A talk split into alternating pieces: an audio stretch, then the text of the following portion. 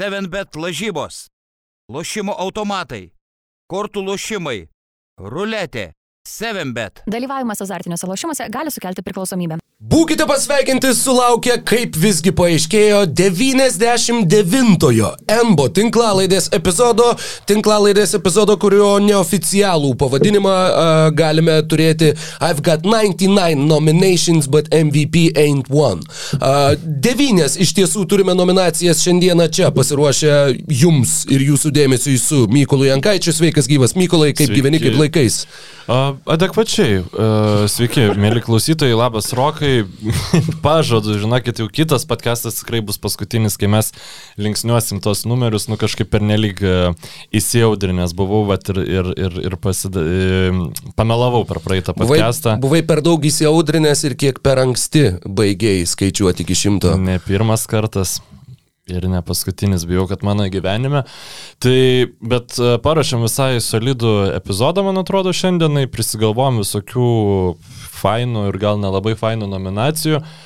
Nu, gali būti labiausiai ambiškas epizodas, man atrodo, nes e, kai kurias nominacijas patys su Roku net e, ne, nu, ta prasme, pasakėm nominaciją vienas kitam jo, jo, ir, tipo, ir tik dabar supratom, kad mes visiškai skirtingai jas supratom. Jo, bet, čia, čia bus, bus išsiskyrimų nuomonių, Ir- manau, bus tikrai daug. Jo, jeigu, kai norit labai matematiškai pagristos nuomonės, ties kiekviena nominacija, tai čia vėlgi, nu, reikės e, ties kai kuriais e, biški tolerancijos paprašysiu variantais, Ir bet kai kurios yra labai subjektyvios, kaip, kaip sužinosite visai neužilgo, kai kurios yra pamatuotinos matematiškai, tad bent jau aš kai kur rėmiausi skaičiais, kai kur rėmiausi vien tik tai emocijomis ir, ir nežinau, įspūdžių bei, bei akies testu ir aš... kitais tokiais sunkiai apibrieštinais dydžiais. aš kadangi, sunkiai apibrieštinas dydis irgi, kur man tai girdėta, aš, kadangi šitam podcast'ui nurašiau kaip tam šimtam, tai jau galvojau, va čia pasitrytinsiu, nu, save, kadangi pavyko čia išbūti šimtą epizodų, dar kol kas nepavyko. Ir, ir tai tam subjektivumui leidau, nu, daugiau biški užimti e, kontrolės negu įprastai e, savo leidžiu, tai vėlgi, nu, tiesiog e, disclaimeris taip vadinamas prieš podcastą. Įspėjimas tėvams Jo, arba varžovams. Ir tada, tada, tada, ką čia dar norėjau pasakyti, nu, man atrodo tiek. Jo, man atrodo tiek, galim, galim važiuoti. Kitam podcast'ui bus gal normalus. Mes važiuojam, Jei, galim važiuoti. Devyni nestandartiniai NBA sezono apdovanojimai, taip kaip juos matė 2021-2022 metų pirmenybėse NBO tinklalaidės duetas. Ir pirmasis apdovanojimas nėra mūsų pačių sugalvotas. Tačiau tai yra apdovanojimas, kuris egzistavo NBA lygoje, tačiau vėliau uh, buvo sujungtas su kitu šviežiai atsiradusiu apdovanojimu. E, angliškai šitas apdovanojimas skambėjo taip - NBA Comeback Player of the Year. Arba geriausią sugrįžimą pademonstravęs NBA žaidėjas nuo 1979-80 iki 85-86 sezono at, e, egzistavo šitas apdovanojimas, 85-6 beje jis egzistavo kartu su labiausiai patobulėjusio krepšininko nominacija, bet tai buvo tik tai vieninteliai metai ir po jų nuo 86-7 liko tik tai labiausiai patobulėjusio krepšininko apdovanojimas NBA lygoje. Štai 85-6 labiausiai patobulėjęs buvo Spars gynėjas Elvinas Robertsonas, o geriausią sugrįžimą pademonstravo Markisas Johnsonas, kuriam tuo metu buvo 29. Šitas apdovanojimas ir atiteko per tuos septynis kartus, kai buvo įteiktas įprastai labiau patyrusiems žaidėjams. Vienintelis variantas Bernardas Kingas 81. Jį gavo būdamas 24, grįžęs po traumos ir uh, sezone prieš tai sužaidęs tik 18 rungtynių, rinkęs po 9 taškus, bet tada persikėlęs į Warriors, rinkęs po 22 ir tapęs antruoju šio apdovanojimo recipientu. Taip pat Tiny Archibaldas, Gusas Williamsas, Polas Westfalas, Adrianas Dantley ir Michaelas Ray Richardsonas yra tie krepšininkai, kurie yra gavę geriausio sugrįžimo apdovanojimą. Na, o mūsų šiam sezone jau kalbėjau su tavimi prieš, e, prieš pat laidą, yra du krepšininkai, kurie man yra labai aiškus, kuris yra pirmoje pozicijoje, kuris yra antroje pozicijoje, tačiau dėl trečios vietos yra uh, daug minčių, daug variantų, manau, kad kartu kažkaip ir nuspręsim, į kurią pusę pasukti. Jeigu mes šį pokalbį būtumėm turėję praeito sezono metu, Kevinas Durantas būtų neabejotinai šito apdovanojimo nugalėtojas ar a, gavėjas. E, jeigu mes kalbėsim apie jį kitą sezoną, aš labai labai tikiuosi, kad to apdovanojimo gavėjų bus Zionas Williamsonas, tačiau kol kas būtent šiam sezone... Zionas Williamsonas, Kawhi Leonardas, Džamalas Murray, tas pats Michaelas Porteris jaunesnysis. Jeigu bus, bus, bus kandidatų nemažai, žinok, tikėkime. Apie traumas kaip po tokias, vad būtent tas, nu, Kevinas Durantas nebūtų buvęs pernai metais mano nominacijai. Nes aš, okay. aš ėmiau tuos krepšininkus, kurie jau buvo uh, nu, pakankamai įrodė, nu, jau spėja būti nurašyti ir, ir sugrįžo. Mm -hmm. Žodžiu. Tai vat, pas mane taip, bet e, vėl, nu, skirtingos interpretacijos, tiesiog aš taip giliai nepasigilinau šito apdovanojimo istoriją, bet, e, nu, man atrodo, kad pavyzdžiui, Keidį, jisai net ir gavęs tą traumą, taip, gal buvo šiek tiek baimė, bet jis gavęs tą traumą gavo maksimalų kontraktą ir, tai, nu, ir pasitikėjimas juo buvo.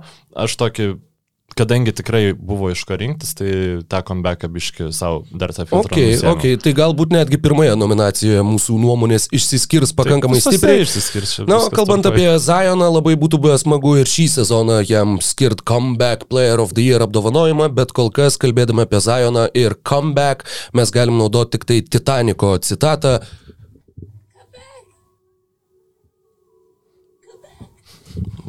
Bet galbūt kitais metais ta situacija jau bus kitokia. Aš atsiprašau, Zajonas ant, tos, e, ant tų durų tikrai nebūtų tilpęs. Deja, deja. jau dėl šito aš esu ramus. Jo, a, tad Turiu šešis žaidėjus, iš kurių, sakau, man buvo labai sunku išsirinkti vieną ir, na, sakykim, kad vieną aš išsirenku štai dabar. Kiti penki, e, kaip čia, pagarbus paminėjimai arba paminėtini, paminėtinos kandidatūros yra Alfredas Joelis Horfordas Reinoso, toks pasirodo yra pilnas Elo Horfordo vardas. Labai gera nominacija. Ir Horfordas tuo pačiu uh, į šitą Comeback Player of the Year pretenduotų mano akise ne tik dėl to, kad praeitame sezone jisai atrodė daug prašiau, bet ir dėl savo karjeros trajektorijos. Jisai grįžo tuo pačiu į klubą, kuriame praleido nemažai sezonų, į Bostono Celtics ir ten tuo pačiu gražino komandą į geriausiai besiginančių lygos ekipų sąrašo na, pirmąjį penketuką. E, Tad Alfredas Joelis Horfordas Reinoso, e, taip pat Aizėja Tomasas, nors ir ne, neverčia kalnų. Mano pirma tačiau, vieta. Tavo pirma vieta? Aš Oho. galvoju, ne, padarykim dabar pauzę mhm. šitoje vietoje, bet e, mano asmeniniai vertinimo skaliai, e, net kaip įrašėm kažkokį, kažkokį, kažkokį e, patronų podcastą kažkurį, ir buvo klausimas, nu, ten kodėl Izėja Tomaso niekas neėmė ir taip toliau, mes jo nepagrebėm, bet aš kai atrinkinėjau klausimus, nu, norėjau, nu, net buvau taip pasirašęs kelis sakinius, kad tai nebėra NBA lygio krepšininkas, tipo romantiška istorija, taip toliau, bet uh, jis grįžo, jis gavo kontraktą iki sezono pabaigos, jis praeitą sezoną sužaidė tris mačius, už naujo Arleno Pelikans ir viskas, daugiau nieko ne, ne, nenuveikė. E, tai, nu, čia dar tas comeback ir iš tos pusės, kad e, tai tiesiog jo, nu, nebuvo e, tame krepšinėje gana, gana nemažai. Ir e, jis dabar duoda kokybiškas minutės, kokybiškesnės negu Išas Mitas, komandai, kuriai labai reikia to secondary ball. Uh, Iš Osmito nebuvo nekokybiškas žaidimas. Nu, jeigu Izėja Tomaso ir minutės yra kokybiškesnės negu iš Asmito, nu, tai galim pasižiūrėti. Nu, tiek, kiek aš mačiau tų rungtynių, tai yra nedaug, pats sakai, nedidelė imtis, žodžiu, yra, bet man čia buvo, kaip aš ir perspėjau visus iš karto, kad čia bus e, emocijom mm -hmm. daug pagristų apdovanojimų. Ir e, man šitas Comeback Player of the Year šiaip yra toksai ganėtinai, nu, emocionalus apdovanojimas, nu, nes tas pats comeback, žinai. Tai Aš tiesiog nemaniau, kad e, Tomasas realiai gali dar žaisti NBA lygoje krepšinį. Mhm. Mes visi matėm tą highlightą, kuris labai normaliai ginas prieš kairį Irvingą ir tokių atakų buvo netgi trys gal e, tose rungtynėse, kur ten Šarlotė viskas krito ir jie įveikė Brukliną. Tai aš, žodžiu, nepaprastai džiaugiuosi už jį ir to džiaugsmo kupina emocija, aš jam skiriau pirmą vietą, nu, nesiginčiu. Jo pagal statistiką jis galbūt net neturėjo tarp gerbtinų paminėjimų būti, bet, Bet bet buvo. pagal skalę nuo tiek, kiek jis man buvo nurašytas, nes Horfordas man, pavyzdžiui, buvo... Uh, Nu, aš kažkaip atsisakiau patikėti, kad jis negali žaisti krepšinio, jis tiesiog buvo uh, Oklahomai, žinai, kur niekas nenorėjo, kad jis žaistų krepšinį. Tai Eizėja Tomasas, aš nu, labai tikiuosi, kad mes pleinę pamatysim kokį bent jau penkias minutės Eizėja Tomaso gerų ir kad, žinai, Kai kas ten pradės sakyti penkias, jau galvojau, sakysi 50 taškų. Bent, kaip bent visi. 50 Bent taškų. 50 Jeigu taškų. Sadikas vėjus gali, tai. Jo, kodėlgi negali IT.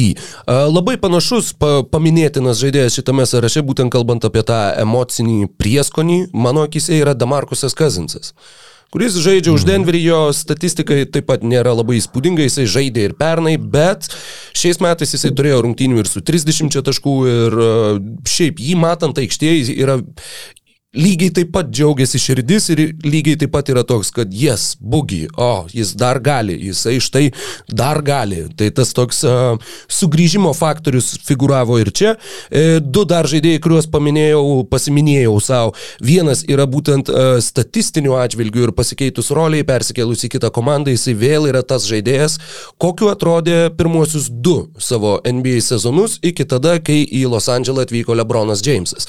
Tas žaidėjas yra Kailas Kuzma, kuris Vašingtone vėl atrodo kaip solidus starto penketo žaidėjas, nors atvykus Lebronui, Lakeriuose jisai prarado tiek starto penketo vietą, tiek ir startinio krepšininko minutės. Jo svarba gerokai sumažėjo, dabar jo svarba vėl yra didelė ir jisai sėkmingai demonstruoja, kad gali būti naudingas svarbus krepšininkas, e, šiuo atveju nedaug laiminčioje komandoje, tačiau NBA komandoje. E, Bismakas Biombo buvo paskutinis žaidėjas, kurį čia pasiminėjau, nors e, tai taip pat yra situacija, kur niekur jisai kaip ir nebuvo pernelyg dingęs, tačiau kai jisai žaidė Šarlotėje, kaip jis atrodė ir kaip jisai atrodo dabar žaisdamas už geriausią lygos komandą Phoenix'o Suns, yra taip pat uh, didžiulis progresas. Tačiau, Em, taip, e, Apie Bismaką Bijombą norėjau įsiterpti. Phoenix'o fanai neiro, visiškai neironiškai sako, kad mes šiemet finale turėsim krepšininką, kuris gali gintis nuo Janio po krepšiu. Ir netgi du, nes Džiavalas Magi, apie kurį dar, manau, pašnekėsim šiek tiek vėliau, ir Bismakas Bijombo, žodžiu, būtent yra tie du krepšininkai. Šiaip mane iš proto varo Phoenix'o Sans, aš nesuprantu, ką Monty Williamsas išdarinė, nes e, nepašnekėjom praeitam podcast'e, bet e, rungtynės, kuris, nu, man džiauriai įstrigo, tai buvo Raptors pergalė prieš Phoenix'o Sans mm. svečiuose berots. Ir tose rungtynėse Raptors, nu, ten laikė labai jau buvo persvaras, susikrovė viską ir į rungtynes sugrįžo Torontas, uh, Phoenixas, atsiprašau, su penketu, kurio uh, kertinė dalis buvo Cameronas Peinas, nu be abejonės, nes uh, Kristas Polas tuo metu nežaidė. Ir Bismakas Bijombo bei Džavelas Magi vienam penkete. Wow. Ir aš žiūriu ir aš, žinai, aš nesuprantu, nu, Raptors, nu, tas gynybinis talentas, nu, ten tiesiog atrodo nieko nereikia daryti, žinai, nu ten tiesiog jau ta komanda ginsis ir galvoju, nu kaip jie sugeba kiekvienoje atakoje turėti laisvų metimų. Pastoviai, kai aikštai vienu metu yra Bismakas Bijombo ir Džavelas Magi, žinai, tai čia, nu, yra komplimentai Monty Williamsui, kad su- sugeba tokiais penketais e, grįžti rungtynes, na tiesa jų nelaimėjo, bet e, tai nesmė. Bismakas Bijombo tikrai puikus variantas. Trečioje vietoje po štai šių ilgų svarstymų visgi tą bronzą geriausio comeback žaidėjo rinkimuose man norėtųsi skirti žaidėjų, kurio statistika netgi nėra labai jau ryškiai kitokia lyginant su praėjusiu sezonu, tačiau pernai jisai sužaidė tik 25 rungtynes, okay. pernai jisai turėjo situacijas, kur tiekždavo kamuolį iš jėgos komandos draugui arba atklampodavo ir pastatydavo užtvarą, na visų kuo rodė, kad visiškai nenori čia būti ir visiškai nėra patenkintas tuo, kaip klostosi jo gyvenimas. Šiais metais Kevinas Lavas yra svarbi Clevelando dalis ir tuo pačiu tai va būtent kaip jisai, sakykime, morališkai sugrįžo, kaip sugrįžo va prie tos komandos, prie to klubo, kur yra didžiausias senbuvis komandoje, atvykęs dar 2014 ir dabar jau vėl yra tas, tas sakykime, tas veteranas, tas kažkiek tai emocinis lyderis, o ne priešinga situacija, kokią matėm praėjusiame sezone. Taip, tai yra antras e, geriausias e, pasuotojas komandai, kai iškrito Reikia Rubijo ir um, Kolinas Sextonas, na, Kolinas Sextonas galbūt net niekada nebuvo geresnis pasuotojas negu Kevinas. Love, bet nu, visiems žaidimo iniciatorius, kuriejas, kai tu esi gynėjęs daug metantis taškų, nu, tu nebent tu esi Tyleris Hero, tu darai žaidimo kūrimą. Bet e, Kevinas Love irgi figūrų, jis yra mano antroji vietoje.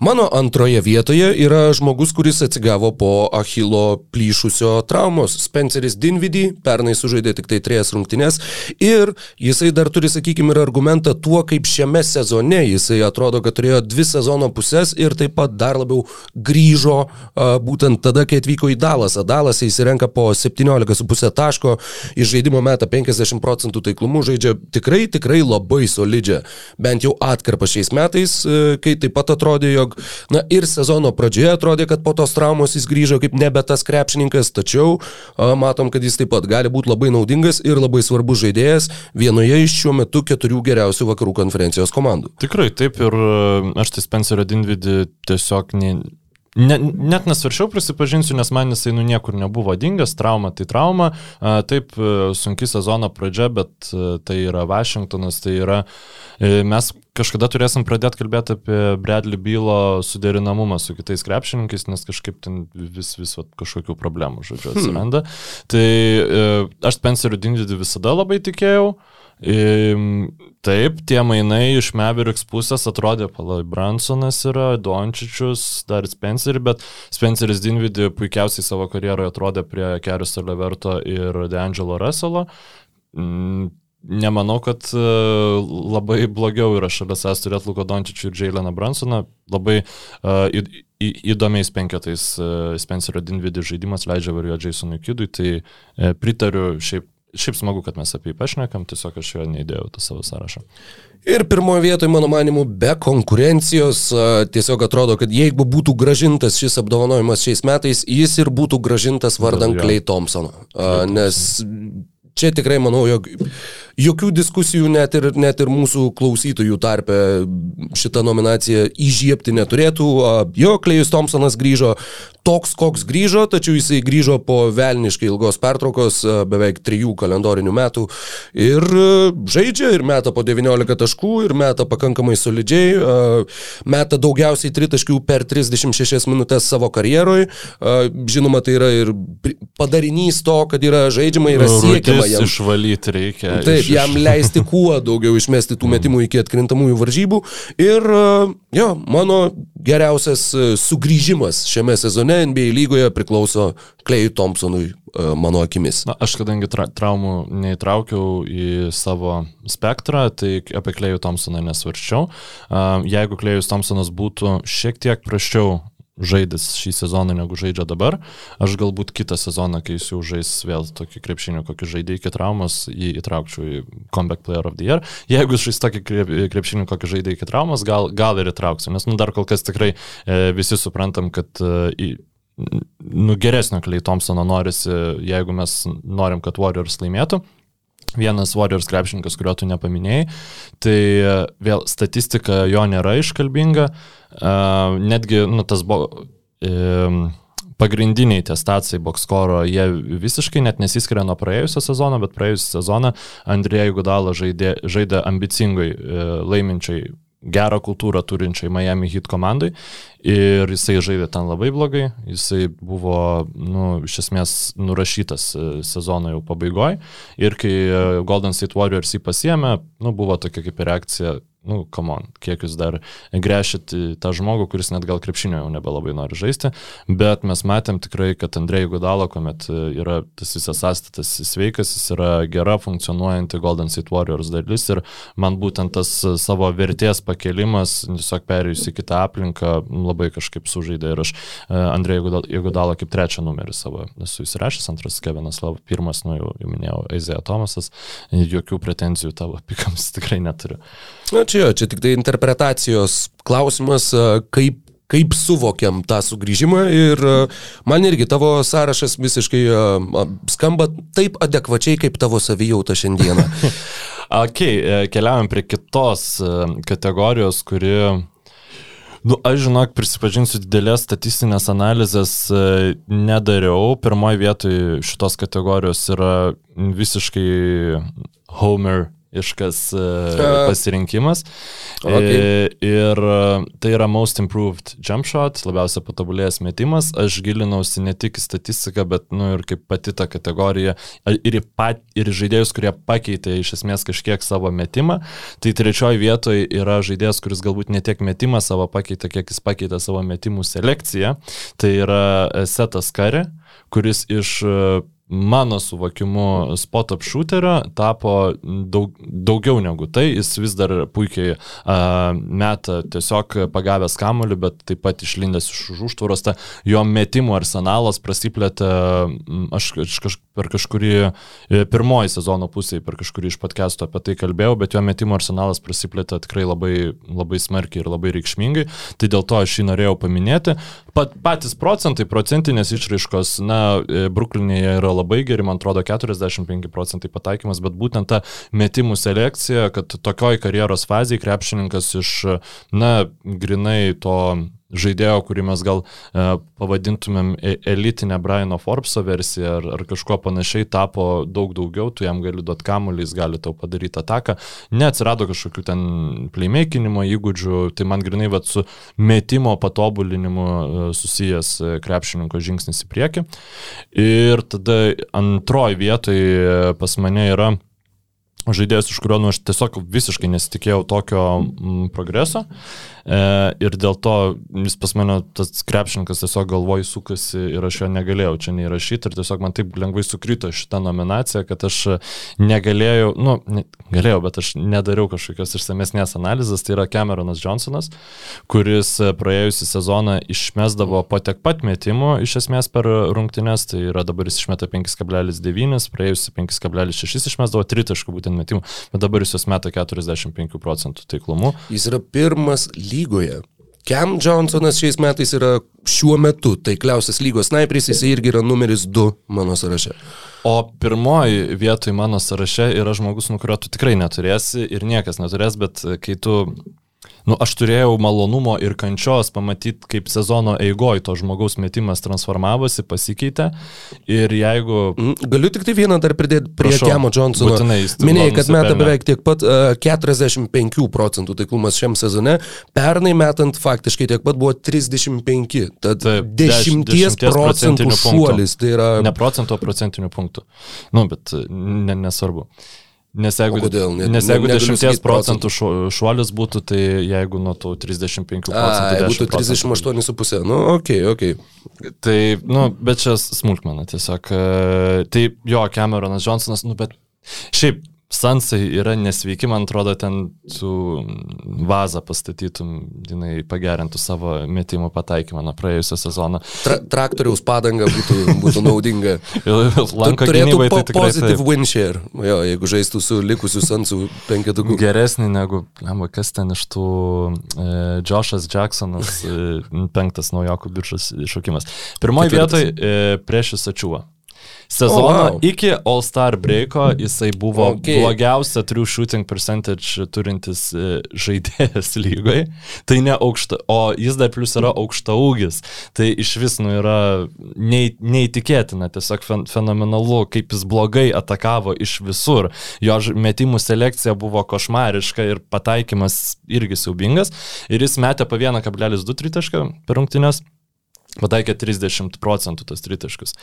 Po uh, All Star pertraukos jis iš žaidimo atakuoja, i- iš tritaško atakuoja 40 procentų taiklumu, mesdamas po 3,7 tritašką per rungtynės. Okay. Tai minėjau apie emocinius pasirinkimus, bet žinok, nu, tikrai ant kiek buvo skauda ir šiaip, kai tu galvoji, blemo, Kailas Lauri. Už tave, nu, paskutinius metus Kailo Lauri mes atidavėm už šitą žmogų, nu, kuris taip gal kažkokio potencialo turi, bet laksto, nu, aš atsiprašau, kaip višta su nukirsta galva. Nu, ten, nu, tikrai ir uh, ar čia Raptors, ar pačiam priešusui ačiūvai komplimentai, bet Taip, vis dar tų sprendimų keistų yra, jų ir turi būti, tai yra jaunas krepšininkas, bet e, nu, žaidėjas labai patobulino savo metimą ir aš e, gal jeigu rimtai žiūrėčiau šitą apdovanojimą, tai pirmoje vietoje Cameronas Johnsonas būtų, bet e, nu, tiesiog Cameronas Johnsonas visada jis numetė bent jau normaliai prieš Sačiuvą, mesdavo tai ten ir už lentos yra užmetęs, ir, ir, ir vedžiais, ir nedametęs, nu visko. O dabar, kai palieka į laisvę, tai aš vos net taip pat ramiai jaučiuosi kaip koks Audžiai Anunobi ir panašiai. Nu, šakės kokia transformacija. Kai paminėjai, kad tai bus labai homeriškas pikas, tai aš įsivaizdavau visiškai kitą žaidėją. Mm.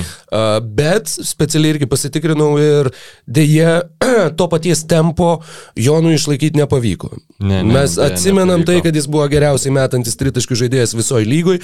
Lapkritys juos metė 54 procentų taiklumu, tačiau nuo gruodžio iki dabar JV yra pataikęs 26 iš 96, tad tas taiklumo procentas grįžo į žemę ir grįžo į žemę dar taip, kad pramušė ir šiokią tokią duobę uh, toje žemėje. E, trečias žaidėjas, mano trečia vieta šiame sąraše e, apskritai šiame sezone yra 25 žaidėjai, kurie tritaškius meta bent 40 procentų taiklumu. Tad laikyk, net jų nėra netgi tiek, kad tu galėtum kiekvienai komandai po vieną padalinti. Ir tai tikrai yra na, pasiekimas, kuriuo, kuriuo verta didžiuotis. Tame sąraše yra... Praeitą sezoną buvo, aš greit pasižiūrėsiu, nes A, praeitas okei. sezonas buvo metimo klausimų neįlinis, bet e, pasakok. Mm, e, galėsiu irgi pažiūrėti, nežinau. Tai aš greit gerai. pasižiūrėsiu. Mhm. E, jeigu žiūrėsi per NBA.com, tai tau mes su visais grybais, kurie ten žaidė po... Per Basketball toliau. žiūrėsiu, Gerai, ir per League. Leaders, labai gerai. Um, Tad, du žaidėjai, kuriuo aš tikrai nesitikėjau pernai pamatyti tame sąraše, tarptų 25 žaidėjų, yra Keldonas Johnsonas, iš San Antonijaus Spurs, kuris e, patobulėjo ir dabar ypač antrojo sezono pusėje jau atrodo panašus į tą krepšininką, kuris, kuriuo aš tikėjausi, kad jisai bus šiais metais ir kiek vangokai pradėjo, tačiau e, pernai jisai metė po 2,5 tritaškio, tad nedaug kaip savo pozicijos startiniam krepšininkui, juos metė vos 33 procentų taiklumu, šiais metais meta po 5 ir pataiko 40 ir vienos promilės uh, taiklumu. Ne, čia nebūtų promilė. 40 ir dar uh, kablelis vienas. E, tad trečioje vietoje Keldonas Johnsonas, antroje vietoje Cameronas Johnsonas, pirmoje vietoje aš Johnsono neturiu, pirmoje vietoje aš turiu žaidėją, kuris man pernai atrodė kaip įdomus, talentingas krepšininkas, kuris, nu, vat, jeigu dar ir mokėtų pataikyti iš toli, tai tada iš vis būtų, nu, būtų labai labai uh, įdomus, potencialus ir turėtų labai labai ryškės, geras perspektyvas NBA lygoje. Pernai jisai tritaškius metė 31 procento taiklumu, uh, tuoj pat surasiu kokiu metą dabar, dabar meta 42 procentų taiklumu, tad 11 procentų šuolis, uh, pernai metus po mažiau negu 2, šiais metais metant po 4 tritaškius, tas krepšininkas yra Tairysas Maxi. Vienas apskritai labiausiai patobulėjusių lygos krepšininkų ir būtent kalbant apie taiklumą, kalbant ir apie žaidėjo vaidmens uh, pokytį lyginant su tuo, kur tu medžiodavai taškus, kuriuose zonuose pernai ir kur tą darai šiais metais, uh, tikrai tai yra labai labai didelis kokybinis šuolis ir uh, jo akies testas taip pat sako tą patį, ką sako ir skaičiai, apie kuriuos kalbėjau prieš tai. Nu, statistinis trumpas nuokrypis, šiaip dėl Taryso Meksi tiesiog ne, nepakliuvo į mano minties radarą ir aš sakau, kadangi to ir samos filtravimas, kaip tu nu, nes, ne, nesidariau šiai nominacijai, tai tiesiog ne, nepagalvojau apie tai, tavo išvardinti argumentai, nu, turbūt gal aš trečioji vietoje visai nepadėčiau, man tiesiog Cameronas Johnsonas, nu, kem, kem 6 procentai. Šį sezoną 25 uh, žaidėjai metė virš 40 procentų. Ar nori spėti, kiek metė praėjusią sezoną? 50. Taip. Durnas. Ne. Rimtai lygiai 50. Lygiai 50 krepšininkų. Man reikia šiandien Nikola. Vučevičius e, metė e, 40 procentų taiklumu. Ir čia išfiltruoti visi grybai, nes um, Iš League Leaders puslapio Basketball Reference, taip? Mm, iš player stats per game ir A. ten jie automatiškai išfiltruoja, žodžiu. Ir jeigu pereičiau kitą sezoną, nu šį sezoną tai 25 yra, tai nu, sutampa statistika. Wow. Tai jo, jo, jo. Wow. e, Šiaip e, sveikinimai Roko mėgstamiausiam krepšininkui Evanui Fornie, kuris e, tapo daugiausiai tritaškai metusių New Yorko Knicks, krepšininkų per sezoną istorijoje, pagerino Jonas Starkso rekordą. Ir tai rūpi tik tai Evanui Fournier. Ir Dar kažkam kažkas straipsnį parašė, nu vis dėlto Knicks. Tai keliaujam tada prie kitos nominacijos. O kita nominacija, ah, kaipgi ją čia dabar lietuviškai išsiverst, man labai juokinga, kad mes sugalvojom jas angliškai kažkodėl. Ah, Bet tai yra... daro įtaką. Jo, jau dabar smegenys truputį tie pusrutuliai trumpinasi. Uh, tai yra geriausias naujas trenerio paskyrimas, arba tiesiog, na, geriausias naujas treneris pradėjęs dirbti šiame sezone, naujame klube. Iš pradžių buvo mintis apie geriausius debutantus trenerius, tačiau tokiu būdu atsifiltruotų dar daugiau žmonių, o ir šiaip tų naujų trenerių nebuvo tiek daug, viso aš suskaičiavau aštuonis. Įskaičiuojant Elviną Gentry, kuris buvo, kai Sakramentas atleido Luką Waltoną, paskirtas laikinų naujausių vyriausių trenerių. Mano sąrašas, turbūt galima jį praeiti pakankamai greitai. E, trečioje vietoje aš turiu naujo Orleano Pelikans strategą Vilį Gryną, antroje vietoje Dallas Mavericks ir Jasonas Kidas, pirmoje vietoje įmė Udoka Bostono Celtics. Tai viskas iš esmės yra taip pat, tik tai aš vietoj Jasono Kido labai norėjau įrašyti Krisą Finchą, nu, bet uh, susitarėm, kad negalima. Tai, jo, jis uh, jau pernai dirbo nuo sezono vidurio. Jo, man, man tad... tiesiog jis visiems, kadangi pernai ten Timberwolves taip kaip ir pusiau belė kaip tą sezoną užbaigė, tai man šitas sezonas buvo pirmas tikras Kriso Finčio sezonas, kuris nu, prisidėjo kaip, kaip pirmas e, komplektacijos. Žibėno Vilniaus ryte. Nu, labai panašus atitikmuo. Taip, galbūt. E, aš, kadangi nuo LKL realijų atitrūkstu kiekvieną sezoną, tai priartė, kiek priartėjau, tai du kartus tiek atitrūkstu, žodžiu, paskui, kai... Um, tai Taip, iš esmės eliminavom, bet nu, tiesiog Kris, Krisą Finčą norėjau patapšnot per nugarą, gerus dalykus tikrai labai, labai, ja, labai daro. Tai Jasonas Kidas man yra trečioje vietoje, antroji yra Vili Grinas, tiesiog nu, iš blogiausios įmanomos situacijos sugebėjo Pelikans ištraukti ir panašu, kad ten visai geri dalykai vyksta su ta komanda. E, kiek gali vykti turint omeny ten traumas e, ir taip toliau ir taip toliau. Ir pirmoji vietoje klausimas, ar prieš tris mėnesius mes būtumėm čia tą trenerių idėją, bet e, dėl to dar labiau jisai nusipelno. Kaip prieš tris mėnesius jie buvo vienuolikti. Jo, jo, mes ten kalbėjom, kad čia tiesiog tiks nieko jie nepadarė. Jo, labai čia padarė nesąmonės, susirinko vėl tuos pačius žaidėjus, dabar, vėl čia Horford vardu susigražino. Ką kas... čia Thunder su tais pikais darys, jie bus tokie patys kaip Celtics, kurie čia nieko nepadarė, žinai. Ir dabar Celtics realiai yra Bunkšt. siaubingiausia komanda lygoje, jeigu kalbant apie tiesiog žaidimą prieš juos. Bet Time Lord. Jo, Rob... Robertui Williamsui ir plyšo šią... meniskas ir tai yra labai labai labai didelė bauda. Tiesiog... Ir ten teko skaityti uh, Kevino Peltono straipsnį, žodžiu, kad yra dabar trys keliai uh, Robertui Williamsui, ką daryti. Tai vienas yra pailsėti ir playoffuose žaisti per skausmą, kaip darydavo turbūt seniau žmonės. Ir čia vėl, nu, Yra, jeigu pavyzdžiui pasakytų, kad e, jūs laimėsit čempiono titulą, tai jisai žaistų net nedvėjodamas, manau, nesvarbu, kad ten jam galbūt paskui kažkiek e, karjeroj, žinai, tas e, atsilieptų. Ir yra šansų Celticsam, sveikiems Celticsam laimėčiais, nu, rytus laimėti, tai tikrai Jeigu yra. Williams trauma, taip. Uh, sakau, ir... šnekėjom su bičiuliu vieną naktį, sėdėjom uh, NBA, bežiūrėdami ten iki, iki pat ryto, kad jo, kad šiais metais sakau, iki Williamso traumos man, man tikrai atrodė, kad mes matysim tokį pat finalą kaip 76, tai yra Phoenixas prieš Bostoną. Mhm. Bet dabar vėl mano akimis Miami's yra labiau tikėtinas finalistas iš rytų, bet, na, žinoma, čia visai tai, kita diskusija, visai kitam epizodui. Tai va, vienas būdas yra šitą daryti, tada kitas yra ta... Mm, repairment daryti, kuris galbūt leistų ten vėlyvosiuose tose raunduose, bet ten, ten reabilitacija ir taip toliau, kita yra jau e, pilna operacija, žodžiu, ir ten dar tą operaciją galima arba pilnai sutvarkyti sanarį, kurių ten be šansų. Nesanarį, atsiprašau, menisko, dar yra variantas išpjauti tą mm -hmm. blogą dalį menisko, kas man atrodo, nu, iš vis tipo hebra, bet šitas irgi būtų greitesnis.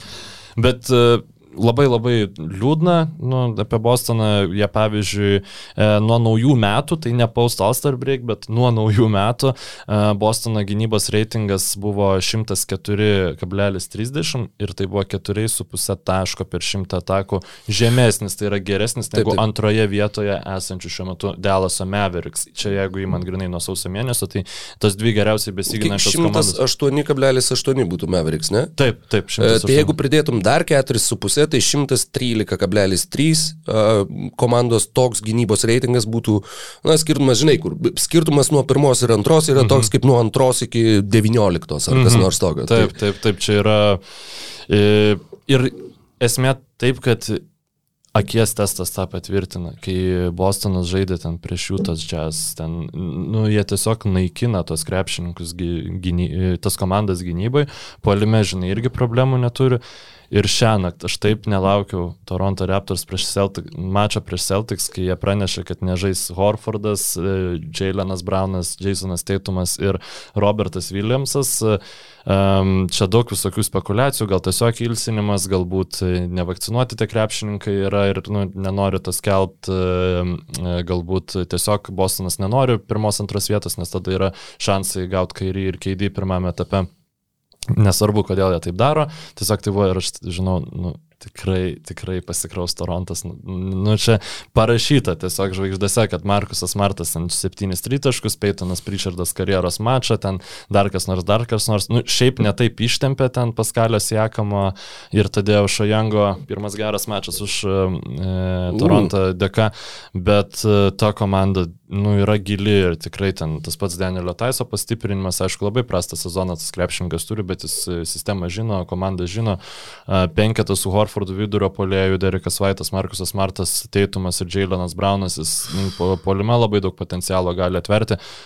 Mm, Robertas Williamsas nebuvo šiaip tiesiog geras krepšininkas, jis buvo e, kai, kai kurių DPOI e, kandidatas e, pagrindinis ir, sakykime, galbūt žmonių, kurie labiau skaičiais remiasi, netgi pagrindinis Bostonas Celtics DPOI kandidatas, tie, kurie, sakykime, nu, mm, labiau ir sentimentaliai dar žiūri, tai vis, į Markusą Smartą labiau yra žiūrima kaip tą pagrindą šitos neįmanomos Bostonas Celtics gynybos, bet taip pat polimetas aikš, vertikalus aikštės praplėtimas, apie kurį Rokai tu nu, taip mėgdavai kalbėti, ypač linksniuojant Dwightą Pavelą, tai Robertas Williamsas yra vienas nu, labai labai e, geras e, krepšininkas tuo aspektu, aštuntas daugiausiai dėjimų lygų šiuo metu turintis krepšininkas. Ir e, dar vienas niuansas, tai kad jo, tai yra irgi labai dėl dėjimo atsiprašau, galbūt ne aštuntas, bet daug jisai tikrai įdeda ir labai daug išsikeičia po užtvarų, tai ne tik lankas auga, bet ir išsikeist gali, tai m, tiesiog tikrai pilnai panaudojamas krepšininkas. Tai dabar girbu, jis pastaruoju metu net nesaugodavo lanko, jisai būdavo Taip, taip, tas taip, žaidėjas, taip, taip. kuris um, yra pagalba gynyboje. Nu, dėl ko įmėjau doką ir nusipelna pirmos vietos, nes tokį drąsų manevrą padaryti irgi mm, reikia tikrai. Ir jis daug eksperimentavo sezono pradžioje, dėl to jam nebūtinai vien dėl to, bet jam nu, ir tikrai sunkiai sekės pačioje pradžioje. Bet... Buvo dar penki kandidatai, a, tad viso aštuoni tie naujai darbus pradėję treneriai, tai Vesas Anseldas Washingtono Wizards, Jamalas Mosley Orlando Magic, Rikas Carlisle'as Indianos Pacers, Chauncey Billupsas Portlando Trailblazers ir Alvinas Gentry, kurį jau minėjau, kuris pakeitė Luką Voltoną. Tad čia, sakau, net irgi tokios konkurencijos faktiškai ir nėra. Na, Nu, Džamalas su- sunku yra Mauslis, vertinti taip, va, labai pavyzdžiui, gerą Mosley- darbą daro. Jisai, ką iš Vendelio Carterio jaunesnio padarė, Mobamba irgi panašu, kad vertę atgauna Kaulas Antoni. Nu, sezono pradžią labai gerą turėjo, bet irgi tokį jau apčiapiamesnį įvaizdį. E, Aiškiau yra, kas yra tas krepšininkas, e, puikia naujoko integracija į komandą Franco Wagnerio iš karto duotas pasitikėjimas. Tai iš komandos savininkų pusės žiūrint, iš komandos fanų pusės, nu, net, aš manau, kad Džemalas Mozli daro neprastesnį darbą negu iš esmės bet kuris kitas treneris šitam sąraše. Visiškai tai, ko reikia komandai, daro Džemalas Mozlis šiuo metu. Ar jis bus sus, pajėgus daryti tai, ko reikia komandai, kai Magikai bus pasiruošę laimėti rungtynės, nu čia yra kitas klausimas, bet dabar tikrai labai gerai savo darbą dirbantis treneris. Kita nominacija, kurią norime aptarti, yra geriausias mainų lango užsidarimo žingsnis. Jėzau. Best trade deadline move. Ir taip pat trys, trys variantai. Čia bent jau aš kaip žiūrėjau į šitą nominaciją, kad e, ne išrinkti mainus ir neieškoti tų mainų, kur, e, kur buvo win-win situacija abiem klubam ir kad ne tuo atžvilgiu tai yra geriausias įimas, bet tai yra va, būtent arba komandos, e, na, tiesiog komandos tikslų pateisinimas galbūt tuo žingsniu ir, ir būtent tie žaidėjai, kurie labai labai atitiko a, tai, ko norėjo komandos atlikdami tuos mainus. Taip, ir pas mane trečioje vietoje yra Pacers su Halibartonu. Kaip geriausi, nu, kaip ir trečias geriausias, labai šiaip daug jau apie tos mainus apkalbėjom. Ir iš tikro, aš net prisipažinsiu, man net šiek tiek dalinasi šitie mainai, aš dar e, taip pat e, galvoju apie Clippers Covingtono ir Pavolo įsigijimą. Tiesiog aš manau, kad būtent šitas Clippers įėjimas jis gali ateinantį sezoną labai jam padėti laimėti čempionų žiedus. Na, o ką Halibartono įsigijimas gali, tai viskas yra labai hipotetiška. Man šitas krepšininkas, ypač kiek aš žiūrėjau jų Pacers, taip jis turėjo įspūdingų rungtynių, bet, nu, nu, nėra tiek e, saldu, tiek įspūdinga, kad aš kraustyčiaus dėl jo iš proto, bet tai vis vien yra nu, labai logiškas ėjimas, su Saboniu buvo nusi, nusiplėštas pleistras, žodžiu, kad ką reikėjo padaryti ir aš manau, kad jie už Sabą daugiau gauti negu Halibartonas negalėjo. Oi, tikrai ne. Nes esmė ta, kad e, čia nėra tas variantas, kur mes užgaudom krepšininką, kuris lygų yra nuvertintas. Jeigu jie, nežinau, ateitų naujas džemas, naujas treneris, jie Halį Bartoną galėtų iškeisti ir manau gal daugiau negu Domantas Sabonis e, būtų jiems atnešęs dabar šį sezoną. Tai čia yra trečia vieta. 7bet. Lažybos, lošimo automatai, kortų lošimai, ruletė. 7bet. Dalyvavimas azartiniuose lošimuose gali sukelti priklausomybę. E, kol dar e, ne, neperėjai prie kitų, e, vienas dalykas, kurį norėjau paminėti, kad iš vienos pusės žiūrint, Jamesas Hardenas yra tikrai ryškiausio kalibro krepšininkas, didžiausia žvaigždė pakeitusi komandą būtent mainų lango užsidarimo periode. Taip. Bet mano akimis, jisai, sakykime, jisai galėtų būti ir pirmas mano sąraše, bet šitie mainai yra tie, kur yra arba tu laimi čempionatą, arba jie nepasiteisino. Tad kol kas yra tiesiog per sunku vertinti, nes uh, tie mm, lūkesčiai yra, yra daug didesni ir visiškai kitokie negu kitose situacijose, kaip pavyzdžiui Indianos Pacers. Labai įdomu yra, žinai kas, aš irgi turiu Indianos Pacers uh, papildžiusį žaidėją trečioje vietoje, bet tai nėra Tyrysas Halibartonas. Jie ištraukė. Tai Hildas? Uh, ne. ne, jie tiesiog uh, prieš sezoną pasirašė kontraktą su Tori Kregu, jį gavo iš Phoenixo ir sezono viduryje išsintė Tori Kregą atgal ir gavo šių metų biržos antro rato šūkimą plus Jaileną Smithą. Jailenas Smithas Indijanoje renka po 13 taškų, atkovoja po 8 kamuolius, žaidžia po 25 minutės, tritaškius meta po beveik 4 per rungtynės, meta 40 procentų taiklumu. E, tas jo rezultatyvumas 13 su viršum, jo geriausios rungtynės buvo 17 taškų. Tad nėra taip, kad jis ten kažkur vienose užsadigbėjino, o šiaip tai žaidžia neproduktyviai. Ne, jis tiesiog stabiliai renka štai tokius taškus. E, ketverias rungtynės pradėjo starto penketą, 14 kartų kilo nuo suolo ir būtent atsižvelgiant į tai, kaip visiškai iš nieko išspaudė Pacers Jaileną Smithą ir kaip gavo na, visiškai jauną žaidėją. Dešimtas šaukimas, e, beje, iš karto prieš Halibartoną. Halibartonas buvo 11, Smithas buvo 10, 220 biržui. Ir tai, kad tu gavai šitą žaidėją už visiškai uh, centus už dolerį, kaip sako amerikiečiai, uh, yra labai didelis laimėjimas. Vienas yra klaustukas, kadangi Phoenixas jau prieš sezoną atsisakė opcijos pratesti kontraktą, naujoko kontraktą kitiem metam. Tad... Uh, nebus apribotas. 4,7 milijono buvo tas kontraktas, Paceriai gali su juo pratesti kontraktą, bet negali viršyti to uh, skaičiaus, kurio atsisakė Phoenixas. Tad 4,7. Uh, kaip čia pasakyti? Kad tai nesiskaičiuotų, na, kad tu, turėt, tu turi berdo teisės tik tai iki 4,7 milijonų. Jeigu jisai gaus didesnį pasiūlymą iš kažkur kitur, tau jau, na, tu irgi gali siūlyti daugiau, bet tau reikia, reikia taip, tau, tau tai atsilieps tavo likusiai komandos komplektacijai. Um, Ar, ar tu pirmoje vietoje be, beglydėjai? Ne, aš įdėjau antroje vietoje. Antroje vietoje Marviną Beglį. Nu, esu visai pasiryžęs su tavim lažintis, kad nei Smithas, nei Beglį kuomet šitos komandos žais krepšinį bandantį laimėti ilgesnį tarpą nebus tos normalios rotacijos dalim. Aš manau, kad bus ir tiesą pasakius, manau, kad bus tiek vienas, tiek kitas. Nebent tiesiog komandos na, neišlaikytų jų ir dėl finansinių priežasčių, atsisakytų galimybės juos išsaugoti savo sudėtyse. Nes Marvinas Begley, taip, yra antroje vietoje, nuo atvykimo į Detroitą, aš suprantu, jeigu niekas nežiūri Detroito rungtynių pastarąjį mėnesį, bet jeigu tas rungtynes įsijungi pažiūrėti iš durnos malsumo, Marvinas Begley yra krepšininkas ir uh, Detroit'e jisai dabar renka po 15.7 atkovotus kamuolius. Detroit'e uh, buvo pastarosios jų rungtynės su New Yorko Knicks kuris pirmam kelinukė sumetė 7 iš 7 iš žaidimo ir tu, jeigu Kingsuose jo, buvo tokių epizodinių kadrų, kur tu matydavai, kai jis rėkia podimo ar panašiai, aš va dabar pamačiau pirmą kartą, kaip atrodo, kai jis ten po gal to šešto metimo grįžta į gynybą ir tu matai visiškai laimingą bičią kur, tarsi, iš šypsenos, iš kūno kalbos, tu matai, kad jis, nu, jis toks atsigavęs, jam yra taip gerai nebebūti ten, kur tie lūkesčiai buvo galbūt per dideli, kur jo, nes sakramentas buvo debilai ir tave paėmė vietoj Dončičiaus. Tu čia atvyksti į Detroitą, tau duoda visas minutės, kurias tu tik tai gali panešti ir tau tuo pačiu suteikia laisvę faktiškai daryti beveik, ką nori aikštėje. Ir... O jis žaidžia kartu su Stuartu, ar čia yra arba vienas, arba kitas? Man atrodo, uf, bijau sumeluoti, va dabar irgi žiūrėjau tas paskutinis. Iš, iš esmės... Žinau, kad jisai daug gavo žaidybinio laiko iš pradžių, nes Stuartas buvo traumuotas. Todėl Marvinas Begley buvo starto penketė, žaidė daug, bet jisai žaidė taip, kad netgi ir grįžus Stuartui,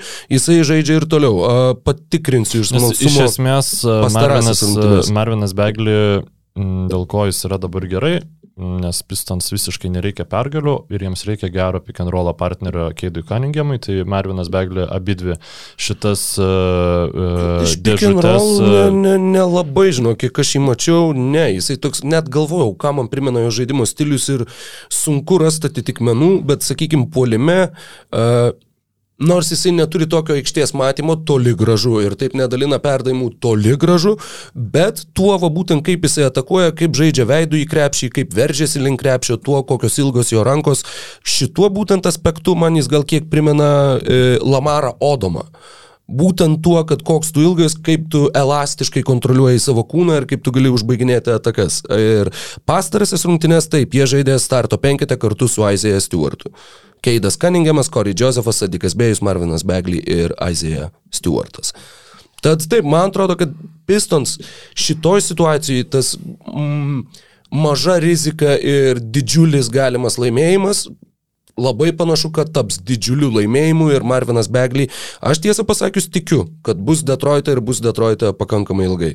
Galbūt ir bus pakankamai ilgai, bet aš tai, na, tikrai esu įstikinęs, kad kai jam jau reikės laimėti e, krepšinio rungtynes, tai jau tada jisai tikrai turės, nu, ta prasme, blogiausia, kas gali įvykti, jie jam duoti rimtą kontraktą, nes, nu, visi jo minusai, jie niekur nedingo.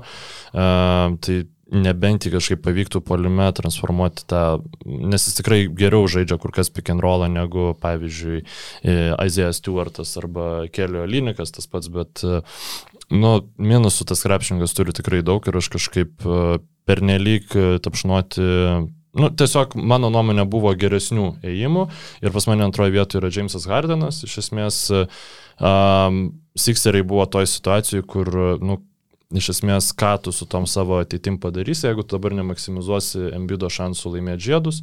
Ir aš nemanau, kad jie galėjo už Simonsą gauti bent kažką panašaus. Jie galėjo, arčiausia, ką galėjo gauti, tai buvo CJ McCollumas, su, e, labai mėgstu šitą krepšinką, nu, bet mes turim pripažinti, kad tai yra visiškai netokio e, lygio krepšininkas. Um, dabar kalbant e, dar tik tai apie Marviną Beglį, tai e, dažnumas atakų, kuris užbaigė tokias kaip e, rolinantis krepšininkas, Kingsuose buvo 9 procentai, Pistonsuose yra 13,3 procento, tai, nu, šiek tiek paaugo, bet taip, tai nėra tas ten 25 ar 30, ką turi um, tie jau... Um, Kapelos ir panašiai. Derekas Favorsas 42 procentai, pavyzdžiui, yra. Na va. Tad, Taip, tai e, Hardinas antroji vietoje, kas pas tave pirmoji? Pas mane pirmoji vietoje tas žmogus, e, kuris tikrai nėra tokio kalibro krepšininkas kaip Jamesas Hardinas. Taip, pas mane irgi. Kaip tu ką tik tai sakei, CJ McCollumas, Pelikans tikrai iššovė ir, ir pataikė su šituo žaidėju ir jisai būtent atneša komandai tai, ko komandai reikėjo. Uh, tad, jo, aš jį pasižymėjau pirmoji vietoje, tu kaip suprantu, ne. Nu, Derekas iš... Vaitas, pas mane Derekas Vaitas pirmoji vietoje. Derekas Vaitas ir Jamesas Hardinas, mano, buvo tie du krepšininkai, kuriuos re, reikia paminėti. Ai, taip pat.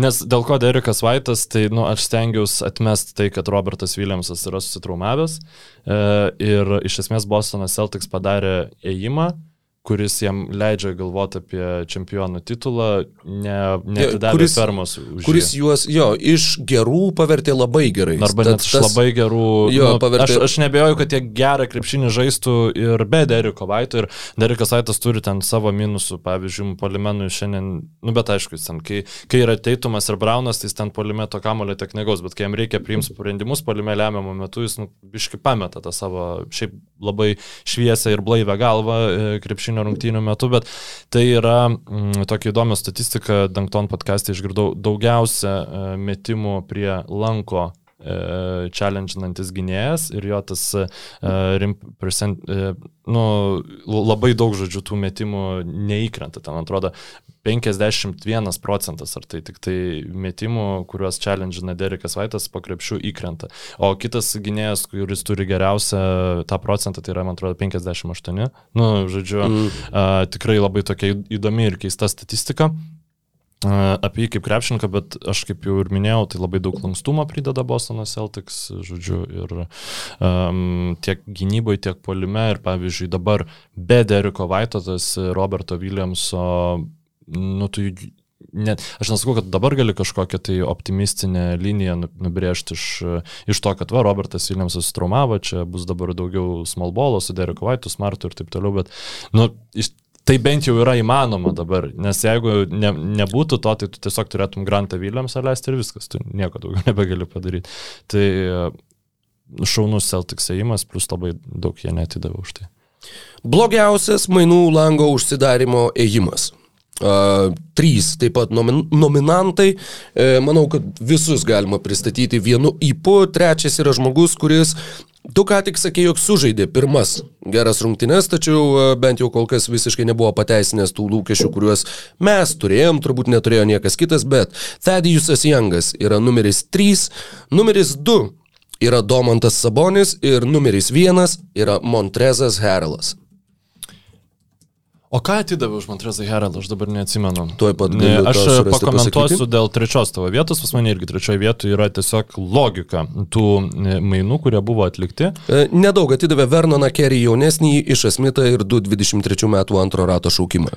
Um, tai Young, e, Tadeušas Jangas ir e, Kerisas Levertas pas mane dalinasi trečią vietą, bet aš jas net kaip logiką komandų pasirinkau, nes aš tiesiog labai nepritariu, kuomet jaunos komandos e, atiduoda savo pirmo rato šaukimus, šansą padraftinti kažką kas bus tavo komandai galbūt per amžių amžius, galbūt per ateinančius ten penkis sezonus ir e, šansą pasišaukti naujokų biržai tai, kas galbūt bus tavo čempioniškos komandos dalis, dalimi už šansą pasimti krepšinį, kuris galbūt tau padės savo komandą nuvesti iki atkrintamųjų, kur tu pralaimėsi pirmą ratą,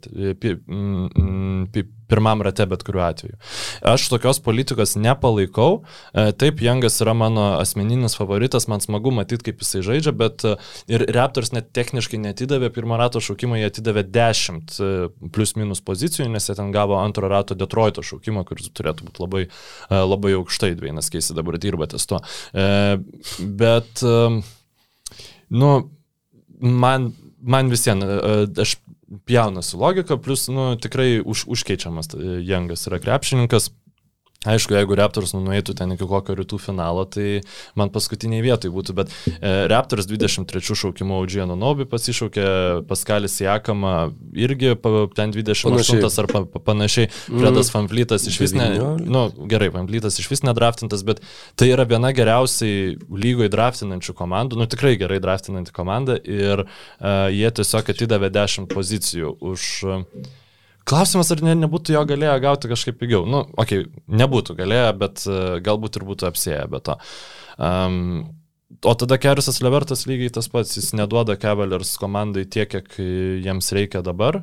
E, jie atidavė savo pirmo rato šaukimą, taip, jeigu jie nepapuls į playoffus, jie jį atgaus, tada jis ten pasikeis į du second rounderius, bet iš Kevalės perspektyvos aš visiškai nesuprantu, aš netikiu, kad jie pasiliks Keris Elevertą, nu, tikrai, tikrai netikiu, o jeigu ir pasiliks, nu, aš niekaip nematau, kaip tai galėtų būti tavo laim, laiminčios dėl žadų kovojančios komandos dalis iš tikrųjų. Nu, bandė kamšyti skylės po Rubio traumos ir Tiek Ražonas Rondo, tiek Kerisas Levertas nepasiteisino. Bet už Ražoną Rondo jie netidavė nieko Taip. ir aš manau, kad tokių krepšininkų, už kuriuos tu tas pats, nu, gerai, Izėja Tomasą neimsi tu dar sėki, bet e, fantaziją pasitelt kažkaip, e, nu, aš labiau esu už fantaziją ir už tą m, visiškai bandymą nemokamai užkamšyti skilės, kai tavo tiesiog kas, nu gerai, nu tu nepapulsi į playoffus, papulsi kitais metais, tu turi žiauriai gerą brandolį ir tu turi šansą uh, pasiimti krepšininką, kuris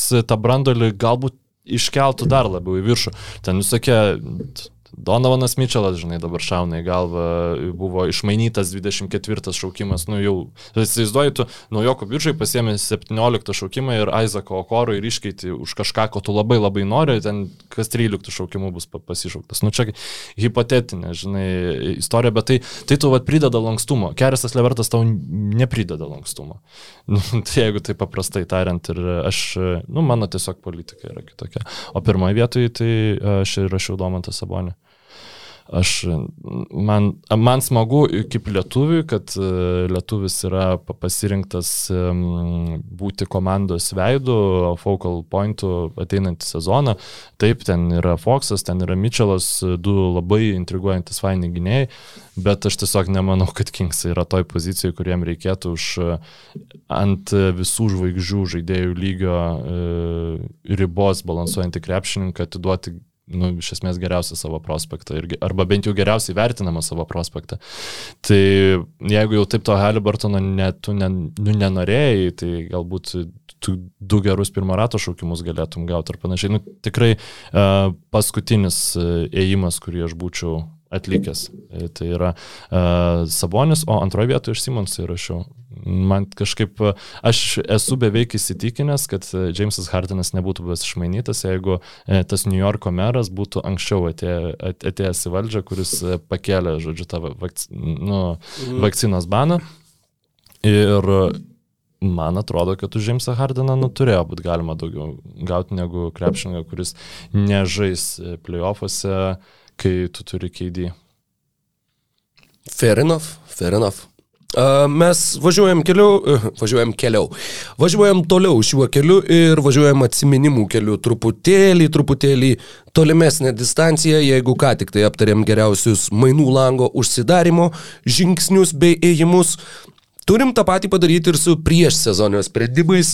Čia taip pat labai platus, labai labai įdomus pasirinkimas. Ir Mykolai, tavo trys geriausi šio tarp sezonio, tai yra to, kas įvyko šio sezono išvakarėse, ėjimai, kuriuos atliko NBA klubai.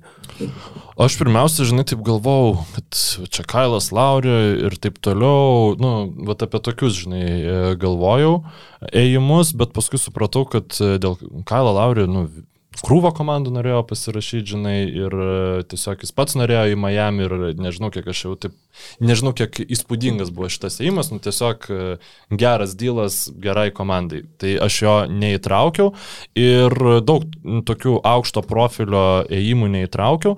Um, Vieną turiu tik tai honorable mention, tą vadinamą, tai yra Jaredas Vanderbiltas, pasirašytas kontraktas 13 milijonų 3, 3 metai. Čia mano trečia vieta. Fantastika. Fantastika. Tai yra Ta prasme, dabar jisai gautų laisvai 15 milijonų per metus, tiesiog tokio gynybinio potencialo krepšininkas. E, Taip, tu turi starto penketų, sunkų kraštą, kuris puikiai tinka greta Karl Anthony Townso ir kuriam tu mokėsi po, na, jo metinis uždarbis iki 2024 nesieks 5 milijonų ir dar trečiam sezonė jis net nėra pilnai garantuotas. Jo, tai klausimas, ar, bet ar jis pats gali negarantuoti to kontrakto, ar ten ne, ten komandos. yra komandos, komandos opcija. Supratau. Jokių tai, žaidėjo opcijų. Tada... Aišku, reikia suprasti, kad Vanderbiltas taip jisai puikiai tinka prie Karlo Antonio Townso, dėl to, kad Karlas Antonio Townsas yra mm, antras turbūt geriausias e, centras polime lygui, žinai. Tai jisai labai maskuoja minusų daug Jareto Vanderbilto, bet Palaukim, šiam sezonė gal nelabai tai pasimatys, bet palaukim ateinančio sezono, kai vėl grįž daug e, wing playerių į, į, į trasą, nu tiksliau, kai grįž Kavai Leonardas ir tie krepšingai, kurie bent pastovėt gali, prieš jį bent minimaliai vėl bus medžiojami iki negalėjimo e, vakarų konferencijai.